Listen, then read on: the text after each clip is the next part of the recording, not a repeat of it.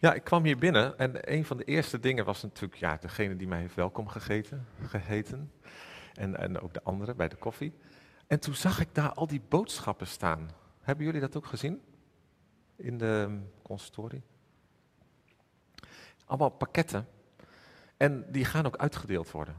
Nou, doet mij denken aan iets wat wij met onze buurtkerk rondom de kerst hebben gedaan. En dat noemden wij de engelenactie. Mensen uit de buurt konden uh, zichzelf opgeven als een engel voor iemand, maar ze konden ook een adres nomineren. Een adres met mensen die wel een engel kunnen gebruiken. Nou, en zo um, hadden 90 mensen zich opgegeven met 90 adressen. En met de computer hebben we die gematcht met elkaar. Dus er waren 90 mensen die naar 90 adressen gingen in onze wijk.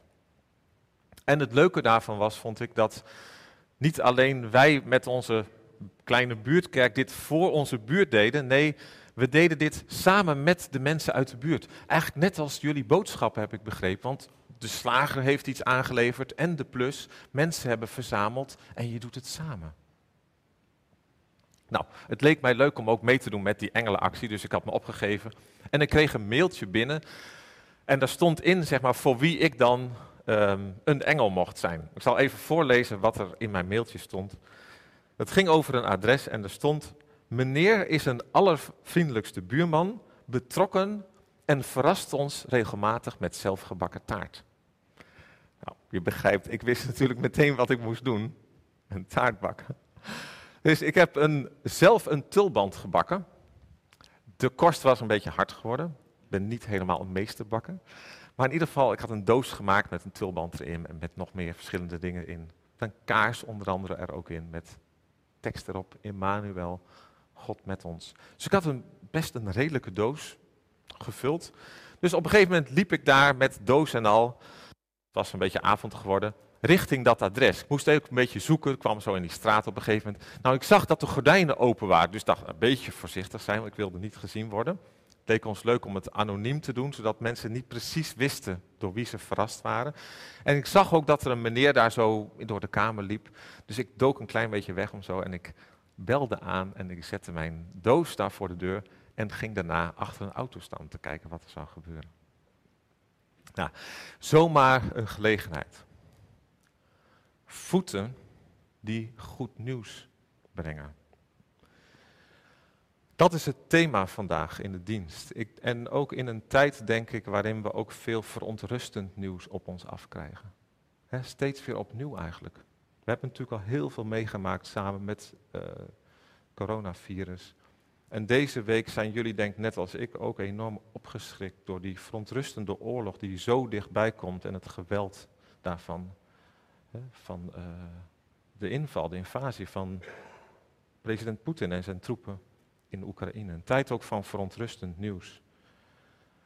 En vanuit Jezaja gaan we stilstaan samen bij de vreugdebode die goed nieuws brengt. Voeten die goed nieuws brengen.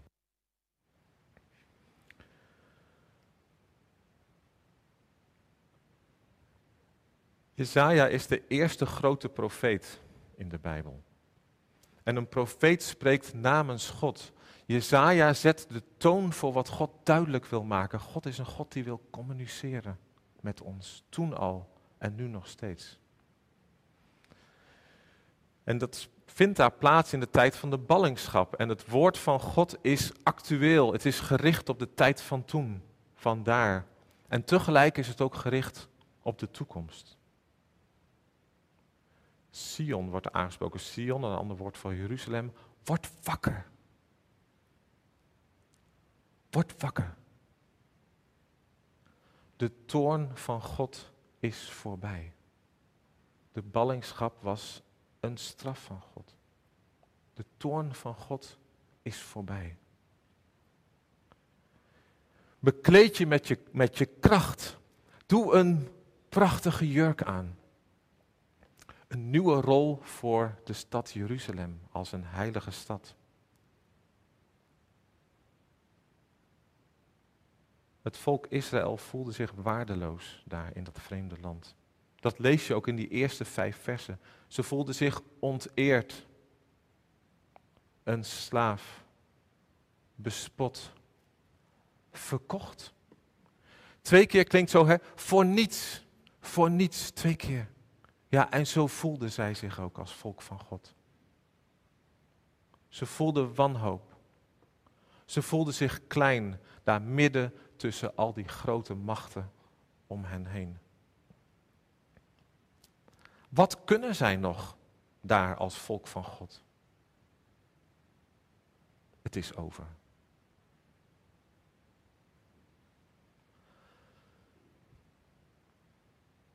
En dan klinkt daar het woord van God door Jezaja in vers 6. Op die dag zal mijn volk mijn naam kennen. En ze zullen beseffen dat ik het ben die zegt, hier ben ik. God komt zelf. En daar komt een nieuwe boodschapper. Hij heeft als het ware een sprong in zijn run en hij komt daar aan. En op een gegeven moment is hij binnen gehoorsbereik van de mensen daar in de stad. En hij zegt vrede, goed nieuws, redding. Je God is koning. Is zijn boodschap. Vaste grond.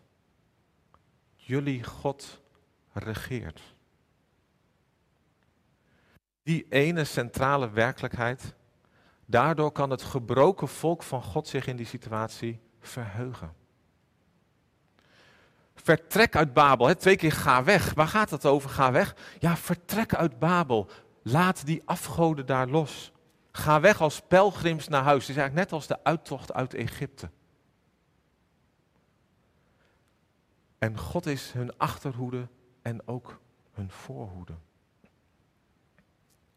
De hoorders van Jesaja en ook wij, wij leven zeg maar tussen de tijden. Die diepte van de ballingschap, op het diepste moment daar, daar spreekt Jesaja. En hij spreekt over God komt zelf. En dat is, daar zit iets tussen. Hier zit die diepte van die ballingschap en hier zit het moment, God komt zelf. Tussen de tijden is een tijd van wachten. En juist tussen de tijden, dat is ook de tijd van die vreugdebode. Waarin de stem van die vreugdebode klinkt. Je God is koning. Aan het begin van het Marcus-evangelie, daar horen we de stem van, dit is het begin van het goede nieuws van Jezus Christus, zoals de profeet Jezaja het al heeft gezegd. Jezus, de Messias, hij is zelf de vreugdebode en zijn voeten brengen goed nieuws in onze wereld. Hij zegt, de tijd is aangebroken. Het koninkrijk van God is dichtbij. Kom tot inkeer en geloof het goede nieuws. Het goede nieuws eerst voor het volk Israël, maar ook voor alle volken. Wij leven ook tussen de tijden. Wij leven tussen die eerste komst van de Messias in onze wereld en zijn tweede komst. Die tweede komst waar het boek bij Openbaring ook over gaat als die heilige stad Jeruzalem waar God woont en waar heelheid is, als die neerdaalt uit de, uit de hemel. Het boek Openbaring verkondigt dat ook. De stad waar God koning zal zijn in de toekomst. Tussen de tijden. Het is een tijd waarin ook heel veel voelt als onaf. We voelen dat denk ik ook heel sterk in deze dagen. Ik weet niet hoe dat voor jullie is. Wij leven ook tussen de machten. Er is zoveel om ons heen, wat ook zoveel invloed op ons heeft. Hè? De macht van ziekte, van de pandemie. Wat hebben we dat gevoeld als een macht om ons heen? En zo nu en dan kon daar ook de macht van de dood eigenlijk plotseling heel dichtbij komen. En wat heb je dan te zeggen? Wat kun je dan? En nu ook met de invasie, de, de macht van geweld. hoe een, een dictator, een, een president zo ver kan gaan om enorme troepen in allerlei steden te laten bombarderen. en dat terecht te laten komen op huizen van mensen die daar niets mee te maken hebben. Tussen de tijden. We leven denk ik ook in een tijd waarin geloven niet meer vanzelfsprekend is.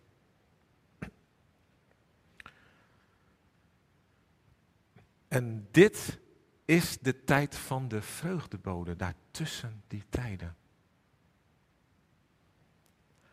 Dit is de tijd van voeten die goed nieuws brengen. Dat is de tijd waarin wij leven.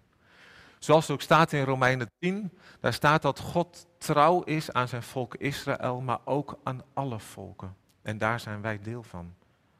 En dan staat er, hoe kun je geloven als je niks gehoord hebt? En dan is er een verwijzing naar die vreugdebode uit Jesaja in, in vers 15. Hoe welkom zijn de voeten die goed nieuws brengen. En ook in Efeziërs 6. Daar leert Paulus ons dat eigenlijk die tijd tussen de tijden, dat dat een tijd is van een kosmische strijd, zoals hij dat noemt. Er is een kosmische strijd gaande tussen de tijden. En dan zegt hij, onze strijd is niet gericht tegen mensen. Hoe makkelijk kunnen we eigenlijk niet in die, in die kluwen terechtkomen, dat, dat we eigenlijk toch ook in een gemeente soms, dat je toch eigenlijk tegen elkaar aan het vechten bent. Helaas komt dat ook toch wel heel veel voor. Kan in allerlei kleine dingen zitten. Hoe moeilijk kun je het elkaar maken?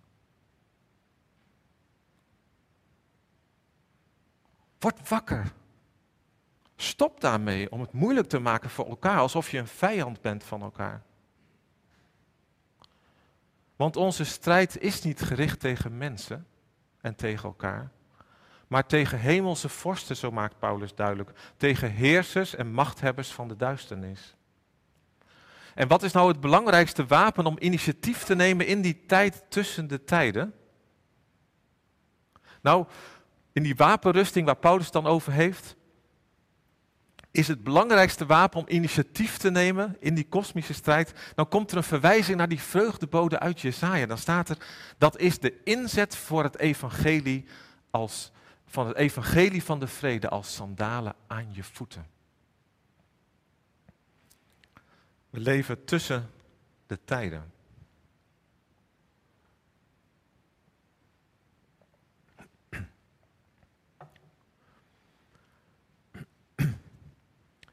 En God maakt ons tot een vreugdebode. Met voeten die goed nieuws brengen. Voor velen hier, en ik denk ook thuis. Iemand heeft jou of u ooit het goede nieuws van God of van Jezus doorgegeven. Kun je nog herinneren wie dat was? Wie heeft daar een rol in gespeeld? En hoe was die persoon? Bij evangeliseren denken we nogal eens aan dwingerig, hè, aan overtuigen op de zeepkist. Maar de betekenis van het woord evangeliseren, dat is heel anders. Het heeft met die vreugdebode te maken. Daar komt het vandaan. Het komt van een Grieks woord, euangelisestai. Dan hoort het een beetje terug, hè? Evangeliseren. En dat betekent evangelie brengen. Het gaat over voeten die goed nieuws brengen.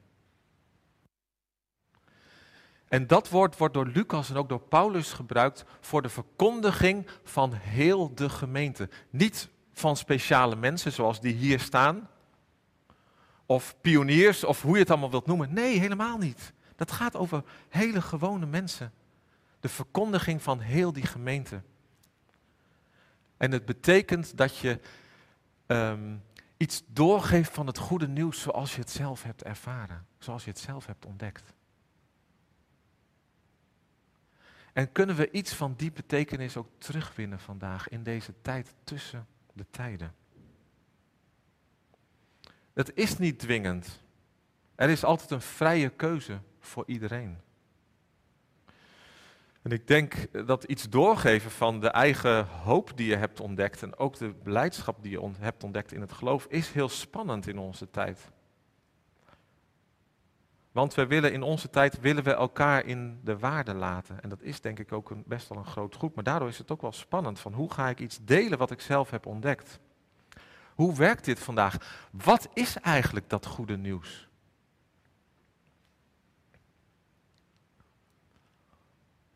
Je God is koning. Niet ikzelf ben koning. Niet die ander is koning. Niet de overheid. Niet de technologie. Niet het geld. Niet de markt. Niet de marketing.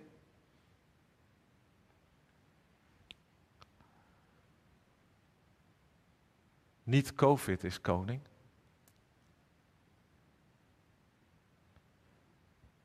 Niet een dictator is koning die denkt dat hij alles wel zou kunnen doen. God is koning.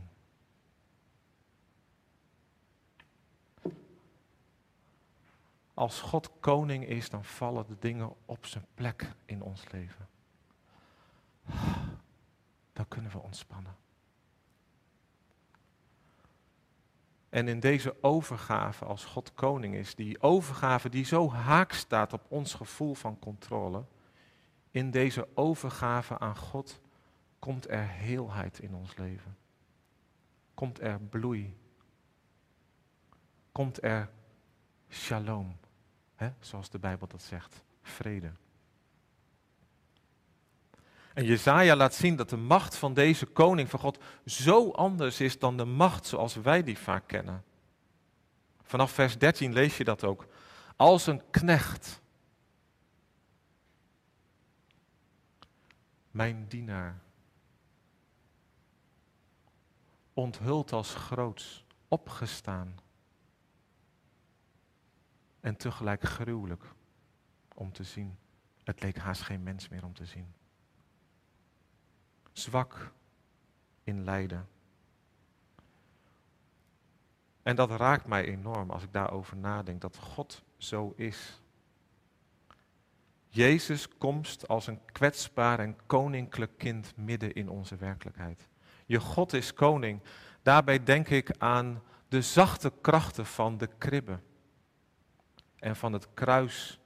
En dat God daarmee de kwade machten ontroont in onze wereld in die weg, in die weg van het lijden.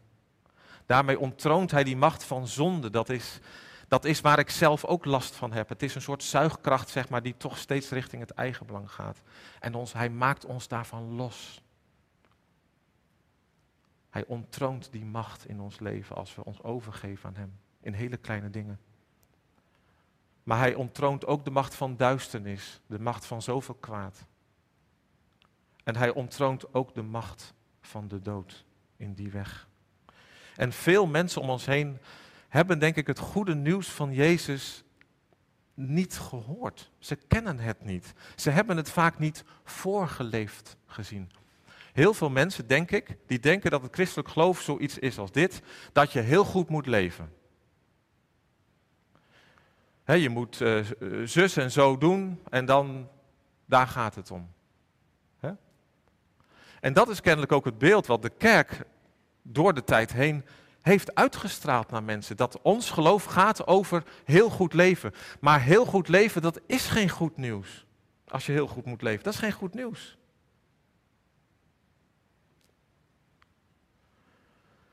Veel mensen hebben het niet voorgeleefd gezien, hebben het niet meegekregen.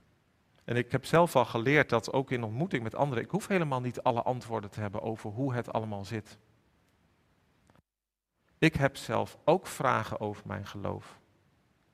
Ik twijfel zelf ook. En tegelijk voel ik hoop.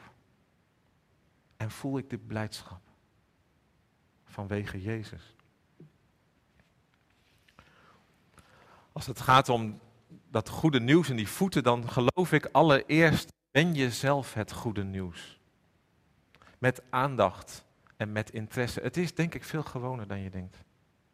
Aandacht voor de ander. Interesse. Eigenlijk zoals God ook zegt. Hè?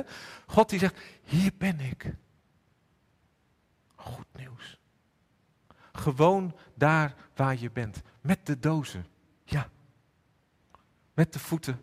Je gaat naar iemand toe. Je belt aan. Ja, zo gewoon is het. Dat is goed nieuws. Dat is aandacht. Er wordt aan mij gedacht. Maak het niet te moeilijk, zou ik zeggen, met het goede nieuws en begin dichtbij. Begin thuis. Kan ik goed nieuws zijn van Gods liefde en trouw in mijn eigen huwelijk? Naar mijn eigen man, naar mijn eigen vrouw? Dat, nou, als ik daar zou kunnen beginnen, dan ben ik daar best wel heel blij mee. Zou ik goed nieuws kunnen zijn van Gods liefde en trouw met aandacht naar mijn eigen kinderen? Of ze nou klein zijn of al groter. Of naar mijn eigen ouders. Zou ik hier in de gemeenschap goed nieuws kunnen zijn? Zou ik een vreugdebode kunnen zijn voor mijn broeders en zusters in mijn gemeente? Niet met het klagen en met de kritiek over wat niet goed is, wat beter moet, of moet meer komen, of enzovoort, enzovoort, enzovoort, enzovoort. Zou ik een vreugdebode kunnen zijn voor mijn broeders en zusters? Steeds opnieuw. Steeds opnieuw. Ik geloof dat bij die keuze, daar heeft de toekomst van de kerk mee te maken. De toekomst van de kerk heeft niet te maken met, je kunt een heleboel verzinnen, maar dit is de toekomst van de kerk. Als we hierin die verantwoordelijkheid op ons nemen om een vreugdebode te zijn voor de mensen in onze gemeente zelf en daaromheen. Ja, dat, dat is de toekomst van de kerk. Dat geeft toekomst. Waar brengen jouw voeten je? Bij wie? Tot slot. Het is voor mij best wel een leerschool geweest om de ander te ontmoeten die zo anders is dan ik. Dat kun je natuurlijk op het werk meemaken of in een buurt of, op de sportclub. Op zoveel plekken. Je ontmoet mensen die zijn heel anders. Ik, dan merk ik dan wel, die zijn heel anders dan ik. Op een gegeven moment gingen wij met, uh, met iemand samen, met een vrouw uit onze buurtkerk, gingen we opruimen bij een vrouw in onze buurt. Heel leuke vrouw, heel creatief. We gingen zo opruimen bij haar. En op een gegeven moment gingen we ook even een bakje koffie drinken, want zo gaat het. Zaten aan tafel. Zij deelde dingen over haar leven. Ik deelde ook een aantal dingen over mijn leven. En um, toen begon ze op een gegeven moment over karma en over sterrenbeelden. En ik merkte dat er iets gebeurde in mijn hoofd. Ik dacht bij mezelf, wat een onzin zeg. Karma en sterrenbeelden. Ik kon niet goed meer luisteren. Ik had, er, ik had een oordeel erover. En weet je, ik denk achteraf, denk ik dat ik me ook een beetje bedreigd voelde dat een andere manier van leven en een andere manier van denken eigenlijk dichtbij kwam. Dat ik eigenlijk ook een beetje bang was, dat ik me bedreigd voelde door haar. En wat eigenlijk het meest jammer was, daardoor kon ik niet meer nieuwsgierig zijn naar haar. Want had ik kunnen vragen, vertel eens, hoe werkt dat voor jou, karma en sterrenbeelden? Wat heb jij daaraan? Ik kon niet meer nieuwsgierig zijn naar haar. Je God is koning dat betekent voor mij ook, wees niet bang. Ontspan op de plek waar je bent. Durf de ander te ontmoeten als een beeld van God. Durf los te laten wat je allemaal denkt te weten. En wees nieuwsgierig. Stel een vraag.